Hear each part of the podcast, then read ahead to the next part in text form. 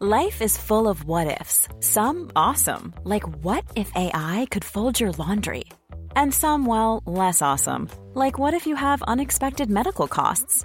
United Healthcare can help get you covered with Health Protector Guard fixed indemnity insurance plans. They supplement your primary plan to help you manage out of pocket costs. No deductibles, no enrollment periods, and especially no more what ifs. Visit uh1.com to find the Health Protector Guard plan for you.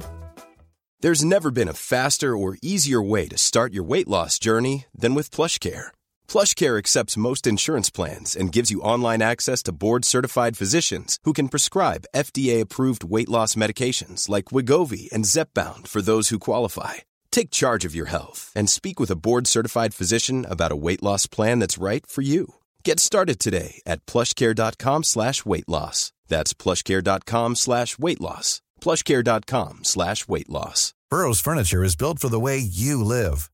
From ensuring easy assembly and disassembly to honoring highly requested new colors for their award-winning seating, they always have their customers in mind. Their modular seating is made out of durable materials to last and grow with you. And with Burrow, you always get fast, free shipping. Get up to 60% off during Burrow's Memorial Day sale at burrow.com slash ACAST. That's burrow.com slash ACAST. burrow.com slash ACAST.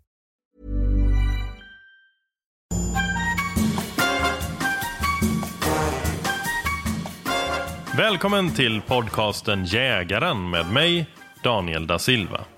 Idag så ska ni få lyssna på en intervju med Linus Larsson. Linus är utbildad viltmästare och eh, ansvarar för jakten på godset Trolle-Ljungby. Och, eh, många av er har säkert sett Linus eh, i diverse filmer på bland annat My Outdoor TV eh, där han guidar jägare eh, till eh, bland annat helt fantastiska bockar. Och vi kommer prata mycket om bockjakt eh, för Linus är otroligt duktig på just förvaltning. Och Det tycker jag själv är intressant och jag vet att många där ute tycker att det är intressant. Eh, men det är inte bara bockar vi pratar om utan vi pratar om massa andra saker också såklart. Eh, men innan vi drar igång avsnittet så kommer här ett inslag med poddens huvudsponsor Chevalier. Kommer eh, Kalle här med byxorna till Basset-stället som vi ska prata om. Hej Kalle! Hejsan! Eh, och, eh, nu, nu, ligger då både jacka och byxor eh, framför oss i stället Basset. Precis, det är mm. ju vårt vaddade allround-ställ skulle man kunna säga. Vi har ju tidigare pratat om Frost Uh, vilket ju är ett varmaste ställe. Det här ser också väldigt varmt ut men är inte lika vadderat som Frost va? Nej men precis. Det är lite lättare vadd som gör att det kan passa till lite fler jaktformer egentligen. Mm. Sen, sen, så kommer ju faktiskt jackan i två olika varianter, eller hur? Mm. Uh, det finns ju en i uh, det här liksom murriga gröna som är samma då som Frost och, och Griffon bland annat. Som man kan kombinera. Men sen så finns ju jackan i varselfärg. Ja, precis. Eh, och det är ju grymt att det alternativet finns. Sen är det väldigt mycket fickor. Dubbla radiofickor för mm. höger och vänsterskyttar. Mm. Eh, större bergfickor ner till som du kan få ner mycket mm.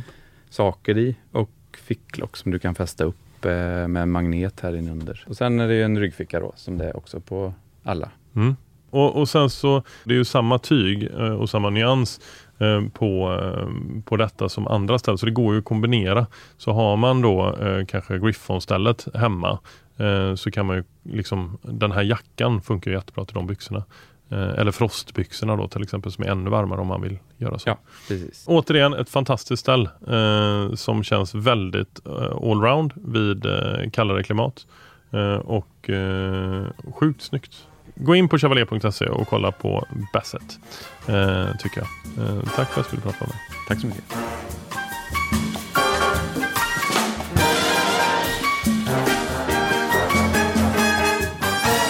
Vi befinner oss just nu på godset Trolle-Ljungby i nordöstra Skåne. Och mitt emot mig så sitter viltmästare Linus Larsson. Välkommen till podden Linus. Tack så mycket. Tack. Hur mår du? Jo tack, jag mår bra. Gott. Det är lite nervöst nu. Det är snart är dags. Ja, eh, när vi spelar in detta så är det alltså den 14 augusti. Mm. Och 16 augusti är ju ett ganska speciellt datum för väldigt många jägare. Och inte minst eh, dig. Absolut, det är ju så. Det är premiären då. Mm. Bockjakten här i södra Sverige. Och jag är ganska övertygad om att vi kommer prata mycket eh, om bockjakt och eh, gärna om förvaltning av bockar och liknande. Mm. Men jag tänkte ta det lite från början. Ja. Eh, du eh, arbetar här eh, och är ansvarig för jakten. Vill du berätta lite grann om, om godset? Jag arbetar här som viltmästare, utbildad viltmästare i Danmark för typ ja, drygt 20 år sedan. Mm. Och eh, har jobbat här på Trolle sedan dess och eh, ja, hållit på med den här typen av förvaltning. Och Trolle är ett av Skånes största gods. Inte störst dock, men vi är ett av de större godsen här i Skåne på drygt 12 000 hektar. Mm. Och det mesta hänger samman i ett stycke kan man säga. Eh, här uppe i den nordöstra delen här runt Ivesjön och här. Och eh, det har ju varit en lång tradition, framförallt från ägandesidan. Alltså greven här har ju hållit på väldigt mycket med jakt i sina dagar och mm. är väl en av de levande i landet som har, jag tror har jagat och skjutit allra mest vilt, tror jag nu om man mm. summerar det. Eh, och han har varit, haft ett brinnande, eller har ett brinnande intresse för jakt fortfarande och tycker det ska vårdas och förvaltas väl. Och det är lite där jag kommer in i bilden då som anställd viltmästare. Mm. Och det är alltså greve Trolle Wachtmeister? Trolle Wachtmeister, ja precis. Mm. Greve Trolle Wachtmeister har ju eh, varit här under hela sitt liv, är uppväxt här på gården och har hållit på med jakt eh, under hela hela sitt liv. Mm. Och har alltid haft en, en, en väl fungerande viltförvaltning. Eh, både då där man har haft eh, anställda personal som har skött det här, men jag har också till min hjälp eh, både jaktelever och assistent, så att det inte bara jag själv enkom som styr detta. Utan mm. Det krävs ju lite personer för att hålla detta igång. Och naturligtvis många som är med och hjälper till på mer eller mindre frivillig basis. Och på era 12 000 hektar eh, och runt omkring det också såklart så, så är det ju inte bara bockar, utan ni har ju i princip allt eh, svenskt vilt eh, kan man väl säga. Ja. Det är kron och dov och mufflon ja. finns det gott om. Amen. Och älg. Enstaka. Ja, det är enstaka antar jag. Det finns ju inte jättemycket älg i Skåne idag. Nej. Är, det, är det någonting som ni har jobbat för att få älgen att stanna? Eller går det? Vi har ju problematiken här nere i Skåne som på många andra ställen att vi, våra marker kryssas av vägar mm. kors och tvärs. Och eh, en period var det så att vi, vägen skördade mer älg än vad vi sköt. Och det, mm. hålla på med en älgförvaltning då är ganska svårt för det blir liksom, även om du sparar hondjur. Vi har inte skjutit en, en, en, en ko liksom sen jag kom hit på nu ljög jag lite för vi sköt en som var trebent. Men mm. annars har vi inte skjutit en ko på ungefär 20 år. Det, det händer ingenting med, med, med alltså populationen växer sig inte starkare överhuvudtaget. Så jag tror att grunden för att få en, en, en stam eh, numerärt och bli större, det är i alla fall att man har hondjur. Det är, mm. det är grundförutsättningen. Sen mm. att det ska finnas en, en hane för att det ska bli fler, det fattar jag också. Men grunden måste finnas att det finns hondjur. Och det har vi alltid varit rädda om genom tider, på allt vilt egentligen. Mm. Men framförallt på älgen som är så pass liten numerärt. Och då, eh, vi kan väl säga att vi, vi märker ingen större skillnad. Tvärtom har ju den dalat hos oss också, mm. så idag skjuter vi bara max ett par älgar om året. Mm. Eh, men absolut, vi har inte riktat några eh, särskilda insatser för just älgen. Eh, visst, vi gör ju viltåkrar och så vidare och det är klart att älgen går betar där också. Men ja. vi, av de här 12 000 hektar skog vi har på Trollundby ungefär, alltså lite slarvigt, så är väl 6 500 hektar skog. Mm. Eh, så av 12 000 hektar mark så eh, är det väldigt mycket skog och den skulle kunna hålla en, en rätt så häftig älgstam. Ja, verkligen. Och backar man bandet för, till 80-talet, alltså typ 10-15 år innan jag kom hit så sköt man väldigt mycket älg under en period. Det var väldigt mycket älg i Skåne. Då sköt man, hade man en licens på 20 älgar om året. Så mm. Det är ju rätt så mycket för att vara här nere i Skåne. Mm. Men som sagt, nu skjuter vi kanske en eller två. Mm. Och det är oftast någon, någon kalv då kanske? Ja, något, vi, eh, mina restriktioner är väl egentligen så jag tycker att kalvarna är generellt för dåliga. Eh, så att det vi siktar in oss på det är tjur 1 4. Ah, okay. Så det är egentligen bara det vi lägger på. Så vi, varje år har vi någon tjur som är lite större, liksom, men mm. oftast då pinntjur eller upp till och med gaffel. Mm. Um, om vi tittar på din resa då, innan, uh, innan du kom hit. Uh, Så du utbildade dig till viltmästare i Danmark säger du. Yes. Men jag vet också att du var, vilt, eller du var elev till PA va? På, mm. Som är på Eriksberg idag. Mm, Per-Arne Olsson har jag varit elev hos. Mm. Eh, dock inte på Eriksberg, utan det har ju varit när han var jägare uppe på Östermalm. Ja. Jag började min karriär, eh, om det var 94 eller 95 eller vad det nu var, egentligen på Kulla Gunnarstorp. Kanske mm. ännu tidigare egentligen, när jag gick på gymnasiet. jag kommer från Ängelholm och när jag gick på gymnasiet så när vi hade praktik och, så, och skollov och så vidare, sommar och vinterlov, så eh, var jag väldigt mycket ute på Kulla Gunnarstorps gods utanför mm. Helsingborg. Okay. Som jag eh, hjälpte viltmästaren där, Thomas Johansson. Då. Mm. Och eh, präglar klart mycket av min, eh, min framtida val sen att välja att fortsätta den här banan som, som viltmästare, som yrkesjägare. Mm. Och eh, sedan efter det så hamnade jag på Skaversjö. Var där en period nere hos Dan Jönsson som också är utbildad viltmästare. Och sen eh, var resan då upp till Östermalma, då, till Per-Arne, där mm. jag var elev under honom. Mm. Och sen därefter så hamnade jag här nere på, nej förlåt, jag var på Kulla Gunnarstorp igen som mm. elev ett helt år där. Och sen därefter fick jag jobb här som jaktledare på Troll Ljungby under Lars Liljenberg.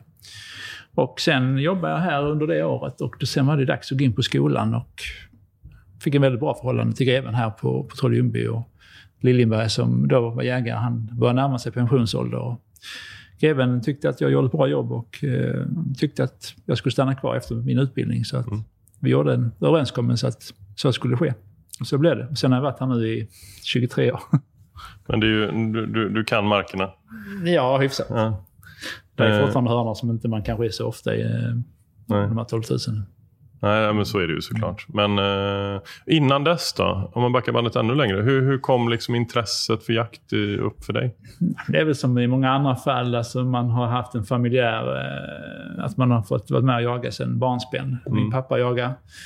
Eh, min granne var väldigt aktiv jägare som jag följde med mycket ut. Och... Eh, mina kusiner hade mark där vi bodde runt omkring där vi ofta jagade tillsammans med, i familjen. Då, så att säga. Vad var det för typ av marker och vad typ av jakt? Påminner lite om markerna här kan man säga. Lite skog och sen då framförallt öppna åkerlandskap. Med, framförallt när man jagar fasaner och hare. Då framförallt var väl det stora. Kanin och lite sådär. Mm. Och var, var är vi då i tid? Vi är västra Skåne. Ja, jag tänkte mer tidsmässigt. ja. Eh, ja, men det är väl klart. Jag, började, jag, tror, jag tror jag tog jägarexamen typ vid 14 eller 15 års ålder. Ja. Men dessförinnan hade man ju hängt med ut liksom, med, med pappa och Minns du ditt eh, första vilt? Uh, ja, det måste väl... Ja, det är klart man skjuter hemma i trädgården och sånt där. Men ja. Kanske räknas som vilt. Men det har ju säkert varit hare. Då. Det var det som var vanligast. Ja. Där. Och sen, jag minns mycket väl när jag sköt mitt första rådjur och så vidare. Det kan jag se framför mig. Jag har någon bild där hemma som jag... Vad, vad hände då? Berätta. Nej, men jag kommer ihåg att vi jagade med ett gäng kompisar uppe på Söderåsen. Uppe hos en, en kompis där uppe som hette Pelle. Han hade en gård där. och... Eh, jag blev utställd där, siste man i, i linjen där och jag minns det var en stor, ett stort lehål, alltså ett hål i stengärdet där, där man stod och skulle passa då. Och sen drev man någon, Vad hette det så? Lihål? Ett lehål, alltså ett hål i en stenmur. Ah, okay, ja. Ett lehål. En, en rågång eller längs med ett hål i en mur liksom. Ah, ah. Och där skulle jag stå och passa och där kom ett rådjur. På den tiden var det inte så noga. Var det ett rådjur så sköt man ett rådjur liksom. Och den, jag kan se den framför mig där. Ett stort bockalarm som kom. Så att jag blev jätteglada. Var det med hagel då? Med hagel, ja. ja. Absolut. Det mesta föregicks med hagel förr i tiden. Ja. Nu jagar vi väldigt sällan med hagel, alltså klövvilt och naturligtvis harar och fasaner och så vidare. Men eh, vi jagar ingenting med hagel längre på rådjuren. Mm. Utan då på den tiden så var det ju nästan enkom hagel. Och visst, någon hade ju drilling också, det var lite modernt. Liksom. Mm. Nu pratar vi, nu är vi tillbaks jag är 45, så vi är i alla fall tillbaka 30 år i tiden. Åtminstone mm. 35 kanske. Och om du skulle liksom... Eh, den upplevelsen när du stod där i, eh, vad, heter det, lehål? Mm, lehålet ja. L-E-hål, lehål. Jag vet inte hur det stavas okay. eh, Men när du stod där med din, eh, kanske en gammal huskvarna eller liknande? Nej, jag hade en berätta. En berätta? Mm, som jag hade fått ärva av min eh, pappa, som ja. han i sin tur fått sin farfar. Så att det ja. mm. Underbart. Om du, om du skulle jämföra den Säg upplevelsen. ja, det, det förstår jag. Eh, den upplevelsen med det du är med om nu. Eh, ligger den väldigt högt för dig ändå? Det är väl inte så att jag tänker på den dagligen eh, naturligtvis. Men nu när vi pratar om det så kan jag mycket väl komma ihåg det. Och det väl men jag såg i dina ögon när du började prata om ja. lehålet och sådär. Att du liksom drömde Nej, men det är väl eh, som jag sa, det är ingenting jag går och tänker på sådär. Det händer så mycket här i jaktförvaltningen dagligen. Ja. Liksom. Men nu när vi pratar om det så är det kul att man kan liksom dra sig till minnes och mm. komma ihåg det där första rådjuret. Nu känns det som man är 70 år gammal eller 95, men jag är trots allt bara 45, så att um, det var ju fan om inte jag skulle komma, komma ihåg det där tillfället. Nej. Nej, men just första viltet eller första ja. stora eh, klövviltet eller så. Det tror jag, alla jag har pratat med minns mm. ju det väldigt tydligt. Mm. Jo men det gör jag absolut som du mm. säger. Sen är det som jag sa, jag sköt ju innan också eh, lite fasaner i trädgården med salongsgevär och sånt här. Det mm. gjorde man ju liksom på den tiden, men så, mm. så viktigt liksom. Nej. Och lite harar när vi hade klappjakt och sånt där. Så att, ja. Det var inte det första viltet, men jag kommer just ihåg det här rådjuret eh, speciellt. Den typen av jakt eh, skiljer sig lite grann från den typen av jakt ni bedriver här. Alltså lite mer så här, det är ett kompisgäng, eh, du ställer det där, jag ställer mig här och så mm. ser vad som kommer. Eller man släpper kanske en, mm. en tax eller drever eller liknande. Mm. Eh, håller du fortfarande på med den typen av jakt ibland, rent privat? Eh, nej, ofta är det mer organiserat nu för tiden. Det är inte så liksom vi går ut och jagar lite. Utan oftast är det ju arrangemang. Liksom. Man blir mm. kanske inbjuden till någon. Och så, visst, kan det vara mer eh, bonnajakt om man nu kallar det som sådant. Mm. Eller, men generellt så är ju jaktarrangemangen mycket mer organiserade nu än vad de var förr i tiden. Då samlas man ju klockan eh, halv åtta på morgonen i en jaktstuga någonstans eh, förr i tiden i skogen. Och sen drar man upp en plan att nu jagar vi här och där. Och du går in där med din vaktelhund och släpper där. Och så går ni ner och ställer där någonstans i den. Mm. Nu är det ju liksom eh, med WeHunt och kartor och eh, pass och utställningar och du ställer ut de skyttarna där och du gör detta där och det är GPS och tracking på hundar. Och så. Det går inte alls att sammanlikna. Kan du sakna det då? Ja, men lite grann. Eh, back to basic. Och det är väl lite någonting jag känner nu. Nu har jag precis skaffat mig en tax här. Mm. Det ska bli spännande. Och det är väl tanken att jag ska, istället för att ha alla de här vad ska man säga, uppstyrda arrangemangen. Att man ska kunna gå ut och träffa kompisar liksom, och köra ner och ställa där någonstans i den hörnan och så mm. släpper jag taxen här och så får vi se vad de får upp. Liksom, ja. om, eh, framförallt mufflonen kanske, buktar eller eh, dövhjortarna. Det är lite de som jag ja. vill testa och se hur... Kul! För någon, för en snor på det. Lite så back to basic. Ja, lite grann. Lite ja. så. Ja, men för, den, för, för dig så är det ju såklart en jättestor skillnad. Alltså, ni skulle inte kunna bedriva jakten på det sättet här. Eh, det förstår nog alla. Men eh, på många platser eh, där det inte är som här så, så är det ju fortfarande så det funkar. Jag har ju ett, ett jaktlag som jag jagar jättemycket med i Åmål. Och Ove, min, min jaktmentor som mm. jag har haft med i podden sista avsnittet innan sommaren. Mm. Han vet inte vad WeHunt är. Alltså, mm. Men han jagar ju jättemycket mm. och jämt. Men de jagar fortfarande på det sättet mm. väldigt mycket. Jo men det tror jag säkert man gör i skogarna runt omkring. Det är en annan som har hamnat i ett speciellt fack liksom vad det gäller uh, yrkesmässig uh, jaktförvaltning och jakt. Liksom. Och det är mm. klart att de kompisarna de har runt omkring sig, många av dem är ju delaktiga där. Och mm. Jag vill inte påstå att det ena är bättre eller sämre än det andra, det är inte det jag menar. Men oftast vill man ju ha det välorganiserat. Ja.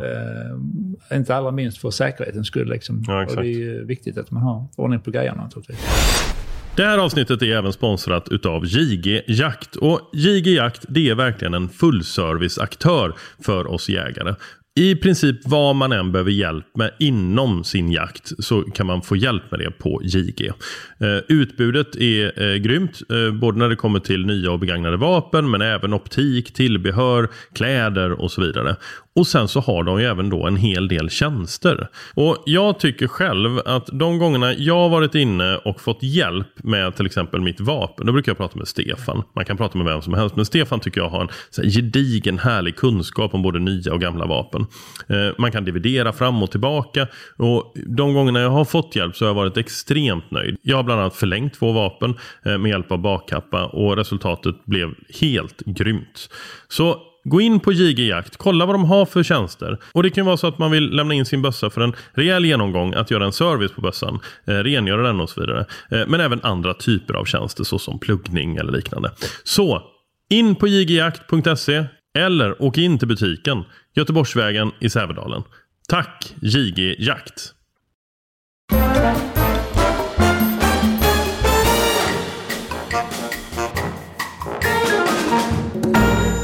En eh, stor anledning till att jag startar den här podden är ju för att prata med människor om deras drivkrafter till jakt. Alltså mm. varför jagar vi? Och, eh, jag ska inte lägga orden i mun på dig, men jag kan eh, tänka mig någonstans att det har förändrats över tid. Alltså att du kanske hade någonting som drev dig i början och någonting annat som driver dig idag. Eller är det samma sak? Jag har faktiskt inte reflekterat så jättemycket över vad är det som driver en. Det har ju bara varit ett sätt man är, liksom, man mm. jobbar med. Liksom det, jag hade en helt annan plan från början vad jag skulle bli när jag gick gymnasiet. Vad var det för plan? Eh, min tanke var att jag skulle bli polis. Mm. Sen hamnade jag egentligen i detta av en slump, det som jag berättade tidigare hos Thomas Johansson på Kulla Gunnarstorp. Mm. Nej, men tyckte det var kul och så, samtidigt så såg jag ju möjligheten i detta. Liksom. Men det var ändå någonting som drev dig till att vara hos honom och jobba med jakt? Mm, jag tyckte det var kul såklart. Ja. Det var glädjande och tyckte det var roligt såklart. Mm. Eh, och sen, det var ju samma sak där. Vi höll på med uppfödning av fåglar och sånt där som vi har gjort här med fasaner och änder och rapphöns och så vidare. Mm. Det var ju lite kul och spännande. Det var ingenting jag hade gjort hemma liksom, utan alltså, en del håller på på hemmabasis med. Men det var, mm. var liksom någonting man fick prova på där och det var kul att lära sig allt detta kring kläckning av ägg och uppfödning av kycklingar och utsättning och sen då jakt, hållandet av jakter och mm. tillvaratagandet. Vi hade slakteri och så där med. hela den här biten. Och, nej, jag vet inte, det bara föll sig väl naturligt på något vis. Och sen det bara rullade på liksom. Det gick jäkligt snabbt liksom. Jag tror jag var den yngsta i kursen när vi gick i Danmark som Alltså som kom in. Ja. Många som tyckte, fan han är alldeles för ung. Den killen har ju bara varit fyra år som jaktlev, det räcker inte. Nej. Finns det någonting som får dig att få riktig puls fortfarande? Inte i Sverige. Finns kanske. Jag har inte testat alla jaktformer i Sverige. Absolut inte på något vis. Visst, jag har jagat en hel del. Och varit en del i Afrika också jagat. Och där eh, nya viltarter är ju mer, eh, får jag ju mer puls av. Kan jag känna om man jagar buffel eller jagar en krokodil eller någonting. Det är klart att mm samma pulskänsla som när du sköt rådjur första gången. Då du tänkte, ska bocken komma in här liksom i skotthåll på mig? Eller ska jag mm. kunna skjuta den? Eller vad det nu kan vara. Så det är klart jag kan uppleva den, absolut. Mm. Sen i, i svenska mått mätt så väl något unikt egentligen att skjuta en räv, tycker jag. Mm. Det, alltså det, där kan man känna, där kan man få den lite nervositeten att fan, nu måste du träffa. Liksom. Det, det är nog mer en press man lägger på sig själv. Liksom, mm. att nu får du fan inte kladda här. Liksom. Men annars är det ju det är ju väldigt intressant just mm. med räv. Alltså, för mm. eh, det är ju... Listigt djur liksom, som ja, man vill överlista. Och väldigt många jag pratar med. Alltså både, både jag pratar med i podden men också utanför såklart. Oftast äldre jägare då som har jagat väldigt mycket och väldigt länge. Mm. Eh, så säger de att det som fortfarande ger dem mest puls det är, det är räv. Eh, mm. och framförallt lock jakt på räv. Mm. Mm. Eh, på, på vilket sätt bedriver ni rävjakt här på godset? För det måste ju vara viktigt för er. Ja, det är absolut viktigt för en rådjursförvaltning. Det är att hålla efter rävarna. Och det har ju alltid legat, vad ska man säga, de anställda och godset om, varmt om hjärtat. Att man skjuter så mycket räv man kan. Mm. Eftersom vi håller på med fågeluppfödning också så ja. är det, liksom, det hänger ihop. Um, och vi, vi skjuter rävar ja, vitt och rätt, men vi skjuter ju kanske 100 rävar om året. Och det, det är ganska många rävar. Det är både på klappjakt och på lockjakt. Och mm. Även grytjakt och i fällor och så vidare. Så vi, vi försöker liksom hålla efter dem så mycket mm. vi kan. Um, det är klart att kan man locka en räv, uh, hyfsat nytt uh, jakt, om man kan uttrycka det så, har det funnits länge, men i alla fall det är fantastiskt man kan lyckas med den där. Och det är samma som att locka in en bock i Kåsvik. Mm. Sjukt spännande. Som nu när bockjakten kommer och jag har kunder och man vet att jag har en bock här någonstans och jag ska locka den till ja. min kund. Det är ju klart, då kan jag också ha puls. Men då styr okay. jag ju inte hela momentet. Nej. Mitt jobb är att jag ska få fram den här bocken till skottläge ja. utan att han liksom upptäcker att det här är någonting som är fel. Mm. Och det blir en extra känsla mm, när man lyckas med det. Och det är lite samma sak med, med en räv. Liksom, att du kan lyckas eh, och locka ut en räv. Och, eh, du får ändå vara lite försiktigare. Mm. Kanske med rörelser och så vidare och vind och så. Och så att räven inte genomskådar det här. Mm. Eh, så det är alltid kul när man lyckas med det. Mm. Ut det. det är inte alltid man hinner det där. Man har mycket annat när man har familj och barn och så vidare. Att man ska, man ska eh, hinna med. Men det är alltid skönt att kunna gå ut en senvinter där och sätta sig i locket på räv. Tycker ja, det är speciellt kul när man lyckas med det. De kommer. Är du riktigt trött någon gång och vill ha en familj så får du ringa mig så sätter jag mig och lockar lite grann. jag tycker det är kul. Ja. Det eh, bredvid oss här på eh, bordet, eh, mm. eller alltså på bordet, på hela, i taket och på väggarna och det golvet. Det är ju liksom eh, det är rätt ordentligt med horn här. Ja. Eh, och det är dov och det är mufflon och framförallt så är det ju eh, bock horn. Mm. Eh, och här, jag, jag, måste få känna på dem, är det okej? Okay? Absolut. Här är ju två, nu ser ju inte lyssnarna detta, Nej, men jag ska jag försöka förklara. Jag kan berätta lite om de, eh, de här två troféerna där som du håller i nu här. Det är ju eh, de som jag har gjort film på, då, som gjordes med Hunters video. Som finns i MOTVs eh, katalog där. Mm. Och det är den här så kallade The King in the Night, alltså kungen och knäkten kallar vi dem. som Erik Han Pedersen sköt för, jag tror det var 2014. Kan det vara det? Ja, de, de, är ju alltså helt, de är ju helt enormt stora. Mm. Om man jämför med en, en vanlig så här, De ligger på ungefär 180 poäng, 180 plus i den du håller där och den andra ligger inte står på dem där. Men de jag håller här är avgjutningar mm. Eh, och han har originalet då? Ja, detta är kopior alltså som är gips, gipsskallar och sen är det väl en, en typ av plast man gör en avgjutning på hornen. Och då, de, ser ju, eh, de ser ju extremt eh, verkliga ut om man säger så. Mm. Men eh, i vikten, den Nej, det stämmer inte alls. Det kan inte, jag, jag minns inte vad de väg, vägde när vi sköt dem. Jag, har, jag, jag ser lite som greven, allt det där man kan slå upp, det behöver jag inte belasta mig gärna med. Nej, komma ihåg siffror och sånt där. Det är historien bakom som egentligen är det roligaste egentligen. Mm. när man jagar dem och lyckas, som jag mm. sa innan. Um, det är två unika historier bakom de här två bockarna när vi sköt dem. Och det är där ju bakom varenda bock som ligger här, det är en unik historia. Om vi tar den här bocken. Mm. Uh, det är kungen. Det är kungen kungen bodde här ganska nära eh, slottet här i parken, en bit ner här. Och, kungen är alltså rådjuret? Vi ja. inte den mm, kungen, mm, utan den här rådjurskungen, kallar han så. Han bodde här nere i ett område, här nere i ett eh, ganska blött område, mycket sävar, alltså högt gräs och vass och sånt här. Han höll till där nere och vi kände till honom ett par, tre år innan och hade vi sett det var en speciell bock. Han hade lite, här, lite abnorma utseendet på ena sidan. Och hade egentligen bestämt att vi skulle skjuta honom två år tidigare innan vi sköt honom. Där vi gick, skulle jaga honom med, med Erik där. Vi skulle skjuta kronhjort i hängnet, för han gick precis utanför hängnet, bredvid mm. hängnet där. Och vi hade en jägare på insidan och så gick jag och Erik Pedersen och skulle försöka skjuta den här bocken. Och då lyckades vi då komma ikapp den här och spana in honom och smyga på honom. Och då hade han kastat ena hornet och det var precis i början på september. Mm. Så väldigt, väldigt tidigt. Så han hade bara ett horn. Mm. Så sa jag till Erik, du får inte skjuta med ett horn, så det är helt ut, utslutet. Så. Mm. Ja, det var ju fan. Alltså han tyckte det var snopet mm. liksom att mm. lyckas och så har han tappat ett horn. Liksom. Mm. Men eh, vi lyckades hitta det där hornet så småningom och bocken eh, överlevde vintern. Och sen nästa år så satte han upp eh, en, en trofé liksom, som var helt annorlunda. Mm. Alltså den var nästan som om han var sjuk. Mm. Eh, och jag trodde kanske då när han tappade hornen så tidigt så tänkte man wow, han kommer ju sätta upp något. Eftersom han är så mm. tidigt på det så kommer han ju liksom att explodera till nästa år. Men mm. Så vi var en aning besvikna på den här bocken det året. Men jag sa, jag vet hur stor han var året innan, så sa jag, vi skjuter inte han med de fjuttiga hornen. Liksom. Mm. Det, det, är emot mina principer. Då får han hellre sig själv dö mm. än att vi skjuter honom med de små hornen. Men han var ju frisk och såg mm. välmående ut. Liksom. Så vi lät honom gå ett år till och sen året efter så satte han upp det här eh, praktexemplaret. Liksom. Då blev han, det bara exploderade. Så när vi såg honom där så blev man riktigt glad att mm tog rätt beslut att man valde att spara mm. istället för att fälla. Och det är ofta det jag tror att många, om man nu ska prata förvaltning på bockar, att man gör felet, att man skjuter dem alldeles för tidigt. Och det är ju konstaterat. Så det är bättre att fria och släppa honom ett år extra. Liksom. Mm. Hoppas på att han blir bättre, men det är inte alla bockar som blir... Vi har exempel på det i årets upplaga här med bockar där, där jag kan se vi jobbar så här att till min hjälp så har jag ett par stycken danskar som hjälper mig bland annat att fotografera bockar. Mm. Och sen har jag en svensk kille också som hjälper mig att köra runt och fotografera mycket. Och sen samlar vi alla de här bilderna och tittar och så kollar vi lite på förra årets bilder. Och bockarna är hyfsat stationära. Det är inte så att de bor exakt på samma ställe men något sånär i närheten. Mm.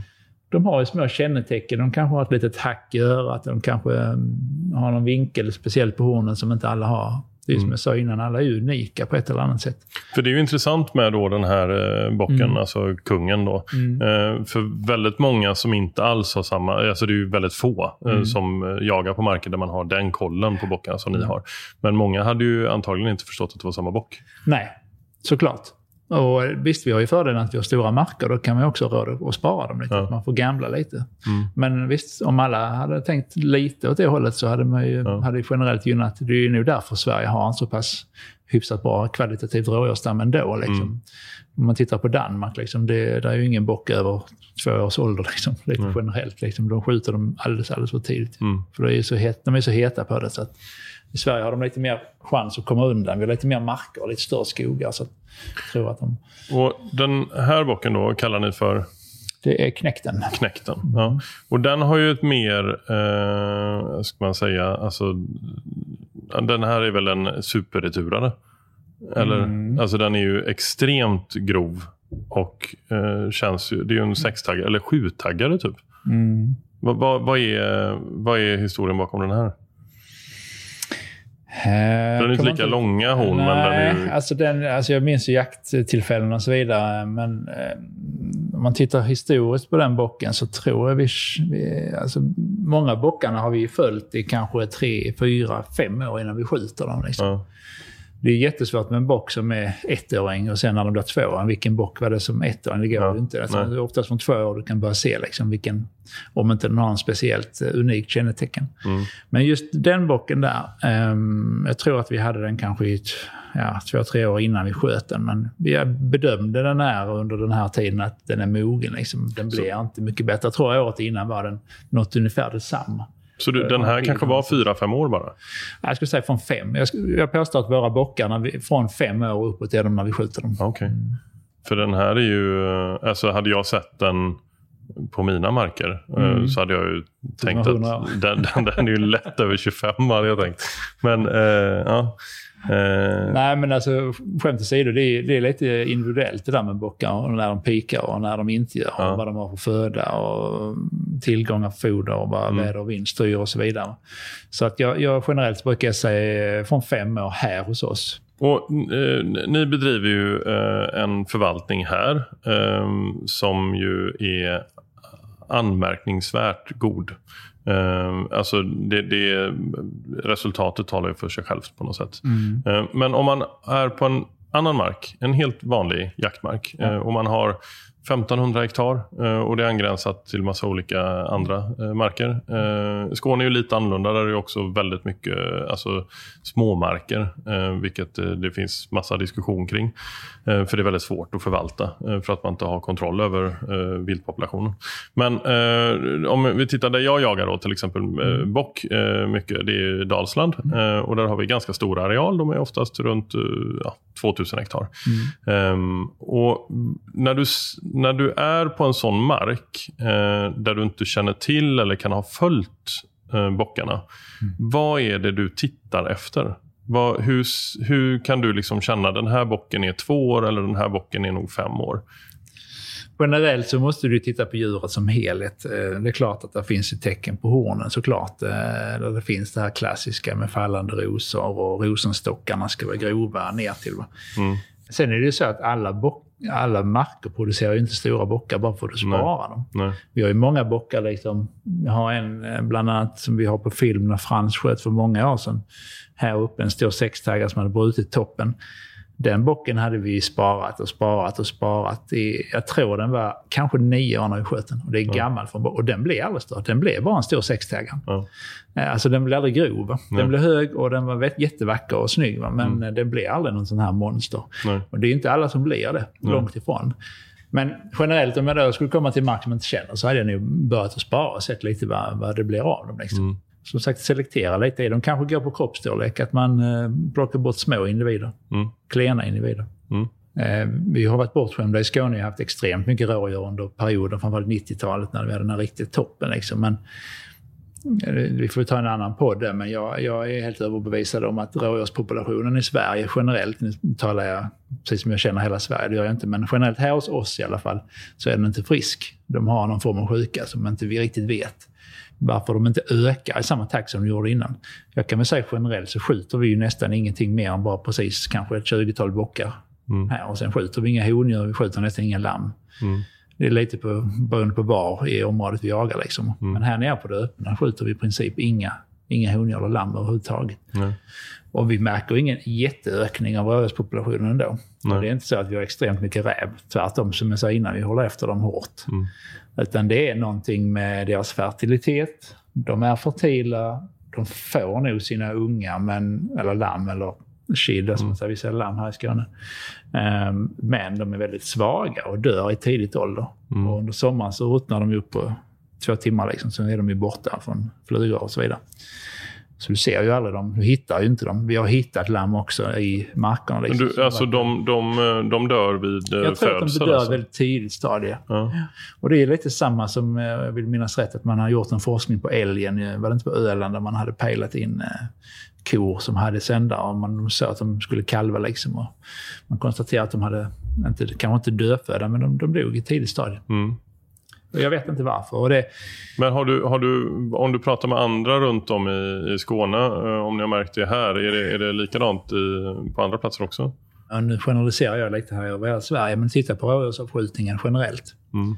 Så har ju den dalat. Om man tittar där från, visst det var väldigt mycket rådjur där på den tiden, men de har ju liksom verkligen dippat. Och det är Mm. på andra djurs bekostnad också. Alltså vi har fått mycket mer dåvilt och mycket mer vildsvin och så vidare. Och det är klart att rådjuren kanske trycks undan, men här har vi enorma stora marker som vi skulle kunna... Här står ju ibland 50 rådjur här ute på en åker när jag började som jaktelev. Nu kanske det står 20 liksom, en vinter liksom, när de samlas. Eller 25 kanske. Mm. Så att även om vi sparar och är rädda om dem och eh, skjuter naturligtvis enstaka individer om vi ser att de är dåliga eller extremt gamla eller vad det kan vara, en jättegammalt rå liksom, så är det klart att vi försöker ta bort den. De ska inte självdö liksom. Men, Nej. Men vi märker ju ändå att vi har, eh, där är något, något mystiskt i det hela. Och det har man ju hittat på andra individer med, med fågeldöd och minkar och laxar. Och man har ju tvistat om det här med vitaminer och tiamin och allt vad det är för någonting. Och surt nedfall och miljöförändringar och global uppvärmning. Och var svaret ligger där, det, det, det kan jag Ja, inte det är säga. supersvårt. Många pratar ju om eh, alltså viltet i sig, då, alltså a- andra viltarter. Mm. eh, Som du är inne på, att eh, de konkurrerar om föda och liknande. Mm. Och att de då trycks undan. Och Det kanske är en aspekt och sen en annan aspekt är, som du är inne på, att det faktiskt är någonting. Samma som vi pratade om innan med älgen. Alltså, Mm. Det är massor av föda för dem. Alltså sen Gudrun och Per, vi hade de här stora stormarna som, skörde, som tog väldigt mycket. Mm. Så tänkte man nu, har det all, blir det inte viltmat, liksom älgmat på de här hyggena så blir det aldrig det. Nej. Det blir massor av alltså uppslag och vide och björkris och allt vad de nu älgarna vill ha för någonting att äta. Men vi märkte ingen, ingen, ingen positiv utveckling på dem. Nej. Så att jag tror inte det är, jag tror egentligen inte här hos oss i alla fall att det är grunden till, till eller nyckeln till den här svårigheten att vi har födobrist. Tvärtom. Och det här området som vi befinner oss nu vad det gäller rådjuren är ju en väldigt produktiv, eh, intensivt lantbruk med väldigt mycket odlingar av rotfrukter, potatis, sockerbetor. Det odlas mycket raps eh, och spannmål naturligtvis och mycket foder till kor och eh, kreatur. Så det vattnas ju ganska intensivt då med bevattningskanoner. Det är klart, kommer det en sån bevattningskanon som lägger liksom 25 millimeter vatten uppe på och ligger där lamm i, alltså rådjurslamm i vallarna där och de inte flyttar på sig så är det klart att de fryser ihjäl. Ja. Säger sig själv. Det är ju själv gjort om du har legat i gräset liksom Ja. och fått 25 millimeter vatten på dig. Mm. Sen anpassar sig djur ju efter, efter saker och ting, så gör de ju alltid. Och jag vet ju när jag kom hit eh, 98 och kanske 98, 99, 2000. Vi hade ju jättestora problem just när vi skulle hugga våra vallar, för vi hade väldigt mycket rådjurslamm som låg i vallarna när vi högg dem. Men nu upplever det inte något problem, för det är nästan inga, kanske slog ihjäl ett eller två i år liksom. Och det är ändå, vi pratar vallar kanske på 100 hektar liksom, som huggs tre gånger om året. Så att det är ändå stora områden liksom. Hur, hur tänker ni här? Eh, om, om man tittar på det här godset så har ni ju olika typer av verksamheter. Mm. Eh, jakten är ju en verksamhet här. Eh, hur hur eh, koordinerar ni de olika verksamheterna för att allt ska gå så bra som möjligt? Alltså anpassar ni jordbruket för jakten eller tvärtom? Eh, nej, men det väl har vi pågått under så många år, alltså samarbetet här mellan jakt och, och, och lantbruk. Så att det är väl klart att de vet ju lite grann vad vi, vad vi önskar och vi vet ju hur de tänker. Så att det är klart att en god dialog, ett bra samarbete är det vi försöker sträva efter. Och vi försöker anpassa det på olika sätt. Vi kanske slår vändtegen, alltså vi hugger runt alla fälten först kvällen innan för att oroa råarna lite att här Ja. är något på gång. Va? Och sen kanske slå några spår igenom för att det ska bli lite upphackat. Och sen sätter jag ut skrämmor med flaggor och sådär då i mitten. Liksom för att de, och det är sådana saker, att kan man samarbeta kring det, att de inte hugger ballen i ett stycke, liksom, allt på ett, en gång, utan man kan dela upp det lite. Och då, då kan man ju på så vis, eh, det hjälper ju. Och vi har försökt med många olika liksom, tricks med värmekameror på traktorerna och vi har kättingar framför dem när de har huggit alla. Men eh, det, vi har inte hittat något riktigt som lyckas. Men återigen, ett gott samarbete är ju det som är nyckeln egentligen till allt. Det är ju oavsett om vi pratar eh, samarbete mellan lantbruk och jakt. Det kan ju vara mellan jackarna också. Alltså att man, har man en mark och man kan samarbeta och kanske tillsammans göra en förvaltningsplan så har man chansen att kunna liksom för, förvalta viltet bättre. Och nu i år då? Eh, alltså, Nu är det då den 14. Mm. Eh, natten till eh, imorgon. Eh, och eh, alltså i natten som kommer nu och nästa natt så kommer det ligga ganska många sömnlösa jägare runt om i, i, i Sverige. Mm. Eh, och ni har ju människor då som kommer komma hit, jägare, mm. Som ska jaga. Som antagligen ligger sömnlösa natten till måndag. du också kanske. eller du var nu, du är lugn. Men vad, vad, hur tror du att det blir i år? Hur ser, hur ser det ut? Nej, men generellt i år så är det väl ett rätt så hyfsat år. Jag var lite pessimistisk i början vad det gäller kvaliteten på bockarna. Tyckte det var ingen sån här super, eh, superduper bock som jag hade hittat. Eh. Och när i början börjar ni liksom? Nej, men vi brukar generellt så börjar vi mitten på juli och alltså inventera. Det är klart att man tittar hela tiden, men alltså fotodokumentationen brukar vi försöka börja då, mm. när brunsten sätter igång. Mm. Och Svårigheten egentligen där är att det är så jäkla mycket vegetation mm. Eh, och högt och svårt att se. Alltså egentligen är den bästa tiden precis nu, precis mm. dagarna innan. Liksom, och komma runt och kolla. Men då är det bra att ha lite check på vad man ska leta efter. Ja. Men vi har ju något, på inget vis liksom 100% i kontroll eh, på, på alla djuren. Så det kan man ju inte helt omöjligt. Vi hittade senast en dag, idag, en jättestor bock liksom, som helt plötsligt bara poppade upp mm. på ett område som inte vi har liksom sett eh, innan.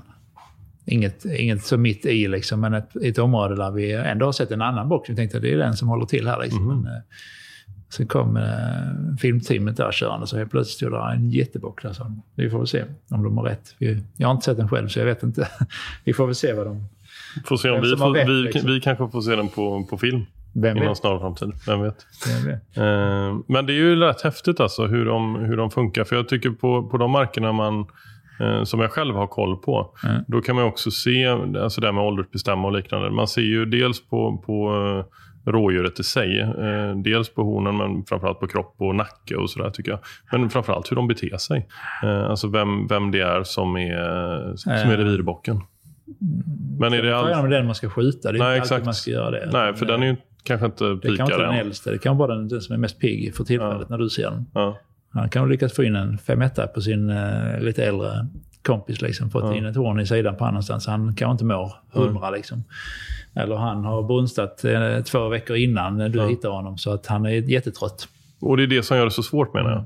Så, um, och det finns väldigt många som tycker och tänker just kring, uh, kring rådjur. Eller det känns som att det finns två läger. De som tycker och tänker extremt mycket och som har uh, hyfsat mycket kunskap. Men, uh, så.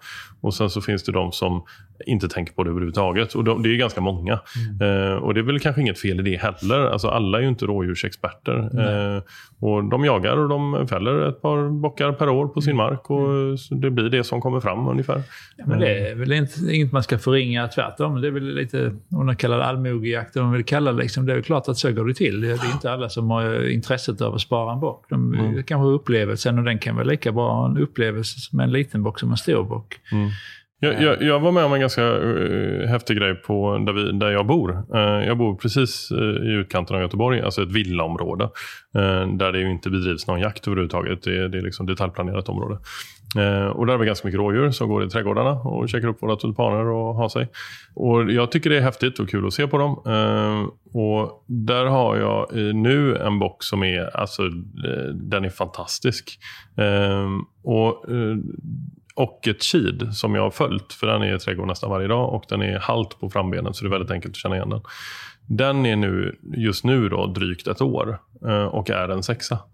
Uh, och det är väl inte så vanligt? Eller är det vanligt att första uppsättningen är sextaggning? Sextaggning? Nej, Nej, det är inte. Det är en bra, bra anlag i den där. Alltså den sätter upp, eh, den har inte varit spets från början. Utan Nej, den utan den var, den var liksom nyfödd då eh, mm. för drygt ett år sedan. Mm. Och gick med sin get fram ja, till i våras. Då. Mm. Uh, den, den är, och det, det, är liksom inte en, en, det är ingen pyttebock. Hade jag, hade jag sett den uh, som den ser ut nu mm. så hade jag aldrig trott att den var uh, mm. en mm. första uppsättning. Nej, men det är lite det som är det roliga med rådjuren. Alltså det som du sa innan, att det är många som tror man är experter. Och så jag skulle nog våga påstå att det är knappt någon som kan vara experter på rådjur för att mm. det är liksom så svårt. Alltså du, du gör dina misstag. Du kommer alltid göra ett misstag att du skjuter fel bock eller fast mm. du liksom försöker vara jätteduktig och gör göra efter alla konstens regler liksom, så mm. är det ett jättesvårt vilt liksom, att förvalta för att eh, de är unika sig. Mm. Och precis som du nämner där, vi har en jättebra serie här på, på en box som vi vet precis hur gammal den är för den har en vit fläck här på sidan. Ja. Alltså den har vita pigment i, mm. i pälsen. Och, där, där kan man se precis hur den har liksom ökat. Och vi har sparat den ut så den är fem år nu i år. Så mm. vi vet precis hur gammal den är. Och det är intressant när man just har de här kännetecknen på dem. Mm, det är häftigt. Lite som jag sa till dig tidigare. Man kan ha någon som ett hack i örat. Eller något, så att man ja. kan följa den och se liksom, hur, hur blev den från förra, förra året. Liksom. Mm. Och kan man då dokumentera dem. Det finns ju en del som har väldigt bra minne, som klarar det och håller det i huvudet. Men kan man ha det på bild så är det lättare. Mm. Nu för tiden finns det så bra hjälpmedel med viltkameror ja, exakt. objektiv och så vidare. Så att man kan ju få kanonbilder. Men har ni eh, på markerna, har ni också liksom äh, äh, åtelkameror vid saltstenar och liknande? Nej, nej. egentligen inte. Nej. nej. Det gör vi inte. Nej. Frans Albert jobbar mycket så i Tyskland, det vet mm. jag. Han jobbar mycket med, han lägger ut majs och så majssträngar och sen har han en kamera som han fotar. De mm. skjuter extremt mycket rådjur där nere. De har nu väldigt mycket rådjur men mm. inte några stora liksom, alltså trofémässigt. Men han jobbar mycket så, eller hans jägare där nere som är anställda, att han, de jobbar med vildkameror. Mm. Och det är, det är bra sätt. Mm. Absolut, han är enormt intresserad. Liksom, Ni har ju dan danskar i och för sig som, som ja, är intresserade av stora objektiv Det är bättre bilder med. Ja. de så tråkiga bilder, de står bockar. Men jag tycker, eh, alltså många som, eh, som intresserar sig av eh, förvaltning och som är ute och fotar bockar och liknande, de får ju eh, jag hörde på dig också, alltså du har en annan relation till bockarna eh, än vad många andra har. Bland annat så, så, när, du, när du refererar till en bock så säger du han eller honom. Mm. Och de flesta säger den. Mm. Så du, har, du, får ju nästan en personlig relation till, till bocken. Det är lite speciellt. Eh, en bock som man har följt kanske i fem sex år. Liksom, om man tycker att nu ska det dags att skjuta den. Det är klart att det är både det är lite tveeggat. Det är mm. lite sorgligt och lite man är glad för att man lyckas liksom, ja. och göra det. Liksom, men det är lite tve, tvedelat det där med. Ja. Det är ändå ett djur man har följt under längre tid och följt honom, hans uppgång liksom, och fall. Mm. Men det är ju få, få djur i naturen som Eh, kanske inte spelar någon roll för dem i och för sig, men eh, de hänger på väggen och det finns en berättelse bakom och det är många som har lagt märke till dem. och sådär. Mm. Utifrån ett mänskligt perspektiv i alla fall så finns det ju något fint i det tycker jag. Därför kan jag tycka det här med vårbocksjakt som har varit mycket diskussioner mm. nu, att eh, det är kanske inte rätt väg att gå. I alla fall inte för bockförvaltning. Visst, det finns fördelar i den också, absolut. Men... Jag antar att ni, du kommer inte vara i eld och lågor i maj månad här Nej, på de här jag är inte säker på att vi kommer springa ut och jaga bock. Men Nej. jag vet inte, kanske. Men eh, det finns ju vissa fördelar att man kan plocka bort individer kanske som ja. inte ska vara med i brunsten såklart. Men kan man välja det så är det ju klart, ett klart plus. Liksom. Mm. Men eh, bara ut och jaga eller skjuta eller för man ska skjuta någonting i maj. Liksom det, Nej, och jag, där, där jag, vi kan berätta det för, för lyssnare. Jag vet att det är många som lyssnar på den här podden som, som inte jagar. Mm. Eh, och så finns det många som lyssnar på denna som jagar som kanske inte har stenkoll på allting såklart. Mm. Så eh, vårboxjakt har ju funnits på, i vissa län tidigare och det är ju på grund av eh, Tjernobylkatastrofen. Eh, så att det är ganska hög eh, cesiumhalt eh, i, eh, det är cesium framförallt i ja, marken. Becquerel mäter man. Becquerel mm. mäter man, ja. Svamp och sånt där. Ja, exakt. Och så käkar de det och, så, eh, och då vill man, har man valt då att, att ha vårboxjakt för att när man äter köttet så, så är det bättre helt enkelt, mindre, mindre. Men nu har man ju då beslutat i hela landet att ha vårboxjakt. Och väldigt många kommer ju inte göra det. Och så är det ju med jakttider. Bara för att det står att du får så betyder inte det att man måste någonstans. Mm. sen kan det vara svårt om man har mindre marker och grann, grannarna inte tänker likadant och sådär. Eh, så har man sparat en bock eh, i fem år och sen så har man valt att nästa år och sen så försvann den i, maj helt plötsligt innan den fick sista brunsten. Det är ju lite det, det som du sa innan att man vill ju gärna att de ska få vara med i brunsten under den sista perioden, alltså sista brunsten innan man skjuter den. Mm. Det får man ju inte i maj för då har de inte brunstat eftersom de brunstar där i juli, liksom, mm. juli, augusti. Så. Men samtidigt i många andra europeiska länder så har det ju alltid varit fårbocksjakt mm. Eh, och i vissa länder där de också har fantastiska stammar. Mm. Så det är ju klart att det, alltså det finns så mycket mycket till det. Ställer krav på eh, jägarna. Ja, exakt. Eh, sen så vill du till att eh, folk tar sitt ansvar också. Mm.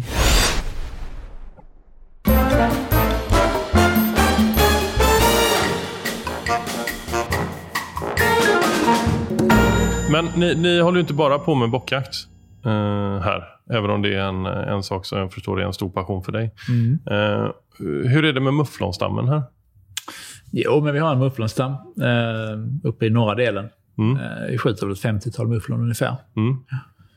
Ehm, Vad, gör ni för, vad, vad gör ni och vad har ni gjort för att få en så stark mufflonstam som möjligt? det är lite tvegat där. Det är inte alla som vill ha mufflon eh, i landet. Nej. Ehm, det är en ägarfråga från vår sida här. Att eh, ägarfamiljen är intresserad och tycker det är kul att ha dem här. Så att därför har vi varit rädda om dem när de Mm. väl dök upp. Liksom. Men samtidigt ska de inte växa sig för starka. Utan, men det är ett svårjagat vilt som är ganska svåra och kommer i stora flockar. Och lite som dovhjorten, att de har god reproduceringsförmåga och har egentligen inga naturliga fiender med en räv kanske. Nej. Så att de, eh, ja, de är rätt så det spök, lite spökdjur, lite så kallar man dem i Tyskland. nu. De Mm. är liksom, eh, lite, dyker upp lite här och där. Liksom. De är lite konstiga. De, de kan liksom vara borta under en lång period fast man vet att det liksom, kanske är 200. Liksom. Helt plötsligt ser man inga alls liksom, Nej. under ett par veckor. Och sen helt plötsligt så är de där igen allihopa. Men det är trevligt vilt att jaga och fantastiska troféer och lite unika i, i vårt land. Och, och anledningen att många inte vill ha mufflon, är det, är det naturpåverkan då? Ja, men man anser väl att de är inte in, hemmahörande, de är inte Nej. svenska arter. Liksom. Ja, för de är ju jakt på året runt. Ja. eh, I och med att de inte tillhör då svenska faunan från Ja. början. Ja, jag tycker de är vrålhäftiga. Mm. Det är ju liksom... eh, Men det, såna här- ja, men det är li- liksom... det är lite tvegat det där i Ja. landet. Sen eh, håller ni mycket på med fågeljakt. Mm. Eh, jag har precis eh, skaffat en, jag vet inte exakt när det här avsnittet sänds, men nu är det ju som sagt då 14 augusti eh, och vi har en springare spaniel eh, hemma, eh, Uffe, som är, eh, vad är han nu, 13 veckor. Ehm, och där är ju tanken att jag kommer jaga ganska mycket. Vi har sommarställe nere på Österlen. Eh, och jaga och träna honom på fasan och hare och liknande. Eh, och den typen av eh, jakt, jag vet inte om ni använder så mycket uh, hund, Spaniel. Alltid, Spanien. Men, ja. Jo, men det gör vi. Vi har ju eh, väldigt mycket jakt, eh, alltså fågeljakter eller småviltjakter som det kallas. Ju att vi har både eh, alltså med rough shooting och klappjakter. Mm. Och med rough shooting-jakterna så använder vi huvudsakligen hundar för att stöta viltet. ju. Mm. Och det gör vi även på klappjakter till viss del. Där vi använder då Spanien, både kockar och springa och Mm. även till viss del labrador och så vidare. Så att vi har väldigt duktiga folk här runt omkring som är, håller på och tränar sina hundar. Som är väldigt duktiga både till apportering och till, till stötande. Mm. Så att... Eh, Vad tycker du själv om den jaktformen? Tycker du det är kul? Ja, men det är kul för att eh, rough shooting då, som jag kallar det, när man går kanske på led och man har hundar som jobbar emellan och man går i vegetation. Där. Det kan ju hända liksom precis när som helst och du vet ju inte. Du kan, på en klappjakt då står du och väntar till drevet har kommit igång och sen kommer det fåglar och så skjuter du och sen blåser man av och sen är det slut. Mm. På, på en rough shooting så går man och det gäller ju liksom att vara på helspänn hela tiden. Du kan ju inte slappna av liksom, för att du vet ju aldrig när det, det händer. Liksom. Nej. Sen är det ju alla andra jaktformer. Vi har två hjorthägn också som vi inte har Mm. pratat mycket om. Vi har både kronhjort och dovhjort i hägn och även frilevande och mufflon som du sa. Och sen vildsvinsstam. Vi skjuter 250-300 vildsvin om året ungefär. Så att det är hyfsat många. Och det är både till glädje och sorg. De ställer till mycket bekymmer i- när vi har intensivt lantbruk. Mm. Vi pratade lite om Trollumbi i början, men vi har ju både växtodling då med 1500 hektar växtodling och vi är 30-tal anställda på gården som håller på bland annat med växtodling och skogsbruk och även verkstad och serviceunderhåll och trädgård och jakt. Då. Så att, eh, och sen har vi då stallar och de är grisar och kor och så vidare. Och om man lyssnar på detta och känner att ja, men, ja, Trolle Ljungby vill jag besöka eh, och kanske jaga här. Eh, är det dig man hör av sig tror jag? Ja, antingen till mig eller till Joakim då, min assistent Joakim Mikkonen. Så att, Och då har ni drevjakter? Ja, vi har egentligen alla typer av jakter tror jag. Eh, Inte alla riktigt, men eh, vi har ju drevjakter och vi har pyrschjakter där vi pyrschar selektionsdjur. Om det är oftast troféer såklart. Eh, både i hägn och frilevandet djur. Och sen har vi Hur stora är hängnen? De är på drygt 200 hektar ungefär. Vardera. Och då är kron och dov för sig. Ja, vi har ett med blandat i och ett med bara. Mär- Märker man skillnad på doven, de som är ett eget hägn eller de som är med kron? Mm, oh ja, då är det betydligt bättre kvalitet på de som är utan kron. Är det så? Konkurrerar på ett vis, ja. Ja. Sen är det en helt annan markförutsättning. Men kronen också. påverkas inte av doven då? Nej, det vill jag inte påstå. Hur, hur ser man det? Är det Eh, liksom, ser ni det på troféer eller ser ni det på hur mycket de eh, alltså, Konkurrensen? Ja, reproduceras? Ja, det kan man ju se bara alltså, rent visuellt. Om du är där och matar typ på vinterns så kommer kronen först. Mm. Döven väntar, de går inte fram. Nej, okay. Kronen får äta färdigt, sen kommer döven. Så att, Mm. Ofta är det så att de blandar sig inte, utan döven håller sig en bit ifrån när man matar dem liksom med ensilage eller med spannmål eller vad det nu kan vara, rotfrukter. Och ni har ju viltbutik. Eh, Ja, ja och, Allt vilt vi skjuter här på godset kan man säga förädlar vi och säljer i viltbutik, i Mm. gårdsbutik. Ja. Viltbod. Hängden egentligen är ju från början, de är byggda på slutet på 80, början på 90-talet. Ja. Och då gjorde man det som en köttproduktion. ja, För köttproduktion helt enkelt. Ja. Ja. Och sen skjuter vi en del troféer också i hängden där. För det är synd att inte tillvarata de eh, anlagen som finns i, i handjuren, då, hjortarna. Så att eh, en del av troféer blir troféer också så att säga. Men huvudsakligen är det därför vi skjuter då, för kött så att säga. ja. Och sen har vi inte så stark, vi har inte så mycket kron frilevandes. Det har varit eh, från ägarsidan att vi, han vill inte ha för mycket kron, för de gör rätt mycket skada i skogen. ja. Så att eh, vi skjuter kanske bara ett par handfulla kron frilevandes liksom. ja. Medan vi har fler i häng då. Hur gör du för att utvecklas? Eh, för jag menar, du, jag, ingen är ju fullärd. Eh, det har jag lärt mig i livet. Eh, om, om du vill förvalta ännu bättre än vad du gör idag, om du vill få ännu mer kunskap, hur, hur går du tillväga för att bli inspirerad? Nej, men det bästa sättet är ju att man åker iväg och eh, tittar på andra ställen, liksom, hur man Mm. gör. Ehm, det har varit väldigt intressant. Jag har förmånen att träffat många personer här liksom, som har varit här på jakt, som man har blivit bjuden till och fått titta på deras förvaltningar. Och bland annat till Frans Albrecht nere i Tyskland och även till prins Rickard nere på Berleburg. Och, och det är ju jättekul att komma iväg och se andra. Sen behöver inte vara utomlands. Det är kul bara att åka Eller hos prinsar. Alltså, de flesta åker inte prinsar. bara Nej, runt till prinsar. Prinsar. Men eh, det, alltså det är kul att bara komma iväg och det är lite som vi pratade om innan. Det är, det är roligt att jaga hemma också, det är inte det, men det är alltid roligare att jaga borta. Ja. Man slipper stå med allt ansvar som jaktledare, att man bara kan liksom suga in sig det man vill suga in och tycker, titta på organisation. Ja. Och det är väl lite sån här arbetsskada man har, liksom, att man, man tittar på det upplagt och organisation och PM och papper och kartor och genomgångar och ja, logistik. Alltså det är, Mm. sån, det är många, många faktorer som ska klaffa när man har sånt här. Det är liksom ett, lite som någon brukar säga, det är ett skådespel. Liksom. Man ska liksom, det ska liksom, det ska Mm. liksom gå eh, i vartannat liksom hela tiden. Mm. Du får inte hacka liksom, för då blir det, kan det bli dåligt. Mm. Och samtidigt så är det ju stora apparater när man driver de här, framförallt större klövviltsjakter, liksom, när man har Mm. kanske 25 skyttar. Liksom, och du ska ha 25 hundförare, och 10 i viltpatrullen och eftersöksjägare och Mm. utställare. Och det är många, det är många liksom som ska lira samtidigt. Liksom, och det ska liksom flyta på att eh, folk gör det de ska. Liksom, så inte man någon som slarvar, för då blir någon sur där och så Ja. slirar man. Liksom. När, om, när du är i andra länder och jagar, eh, kanske andra europeiska länder, ehm, finns det någonting där som du tycker att de gör bättre än vad vi gör eh, och tvärtom? Ja, men jag tror att det går ganska snabbt i den här jaktvärlden att man tar efter bra saker. Liksom. Det ser jag ju lite på. Organisationen har ju förändrat sig väldigt mycket över de sista tio åren i Sverige. Alltså, framförallt på de jakterna jag har varit på. Eh, där det har blivit väldigt bra organiserat. Där är vi duktiga. Vi får ju sträcka på oss i Sverige och säga vi är som tyskarna. Alltså, tyskarna har varit kända för att ha en bra organisation. Mm. Och det tycker jag att det ser vi på många ställen i Sverige också. Um, vad kan det mer vara? Liksom? Sen är det klart att i Sverige har vi olika traditioner om vad man har i Tyskland. Om man nu tittar på Tyskland med det här med viltet och detta, det ska hedras och det ska blåsas för varje vilt. Och, visst, det är en tradition de har. Liksom. Hur känner du kring det?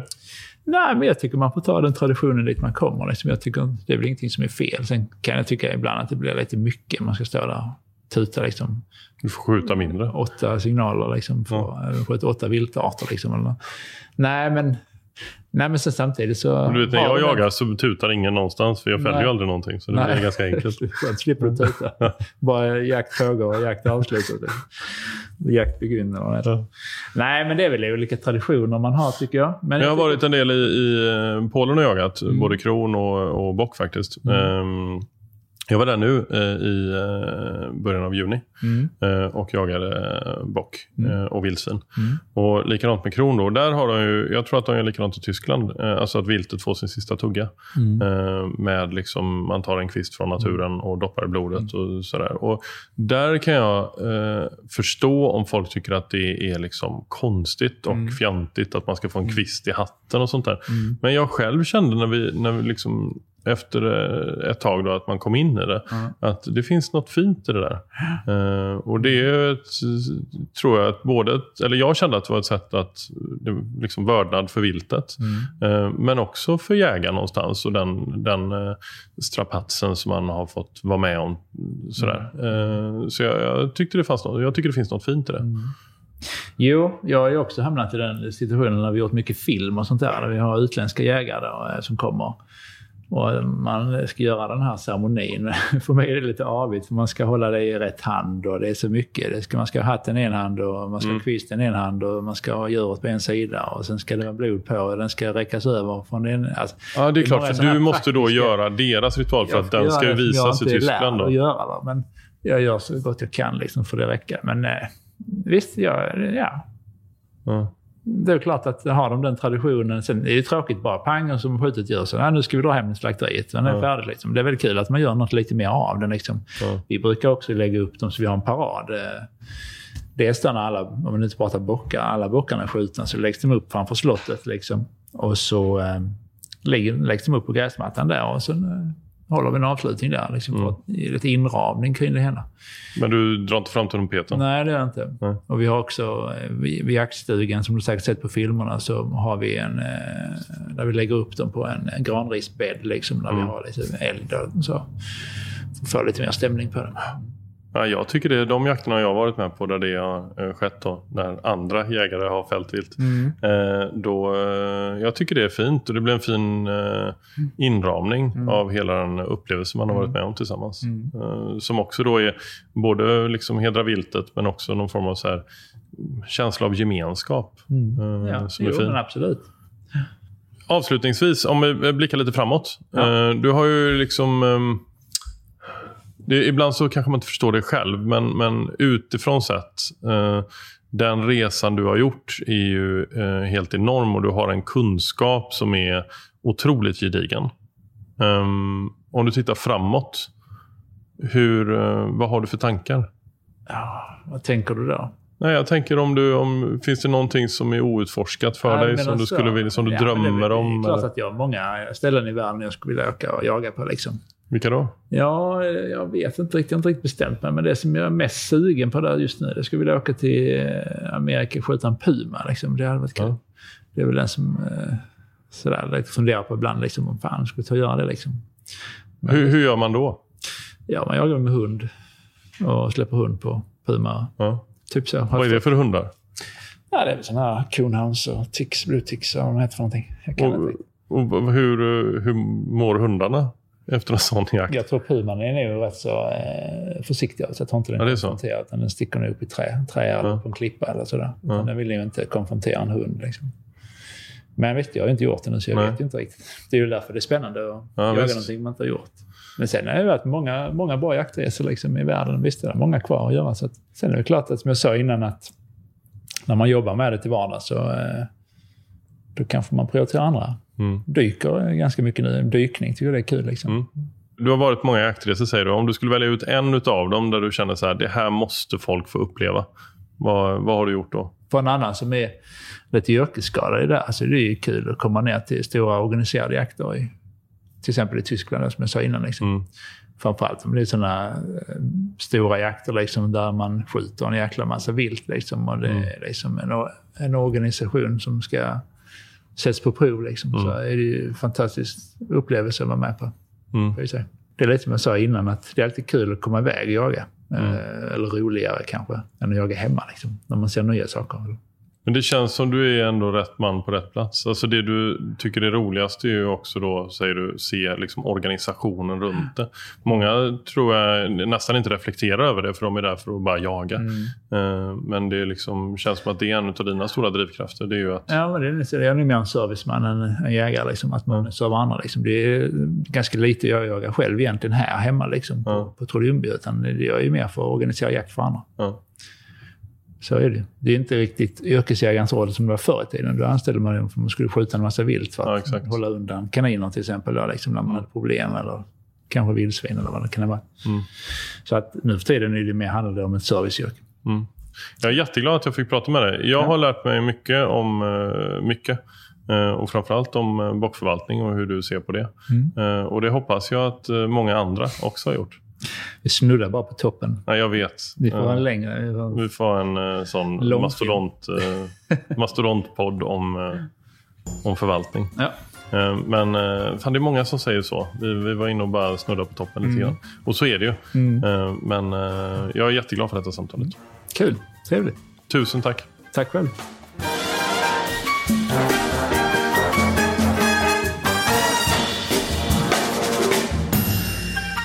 Och stort tack till alla er som lyssnar såklart. Eh, det är helt underbart att ni gör det. Och jag hoppas att ni hänger med oss. För den här podden kommer släppas varje torsdag hela vägen fram till jul. Eh, och eh, varje vecka så träffar jag då en, en ny person som jag intervjuar. Och redan nästa vecka då är det dags för Håkan Dalby. Och då kommer vi att fokusera på skytte. Vi kommer prata om fågeljakt. Och Håkan har även en hel del bra tips på hur vi ska tänka och hur vi ska träna för att bli bättre hagelskytt. Så missa inte det. Vi hörs nästa vecka på torsdag. Hej!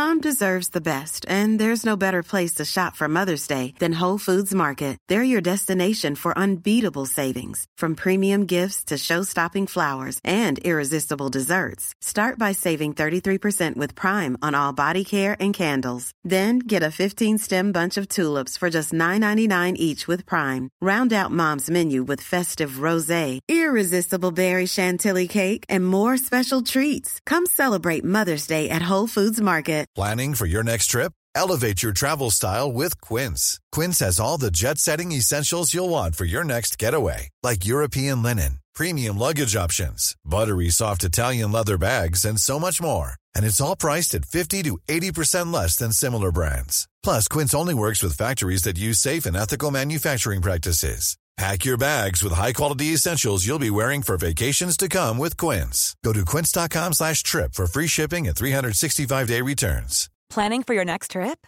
Elevate your travel style with Quince. Quince has all the jet-setting essentials you'll want for your next getaway, like European linen, premium luggage options, buttery soft Italian leather bags, and so much more. And is all priced at 50 to 80% less than similar brands. Plus, Quince only works with factories that use safe and ethical manufacturing practices. Pack your bags with high-quality essentials you'll be wearing for vacations to come with Quince. Go to quince.com/pack for free shipping and 365-day returns.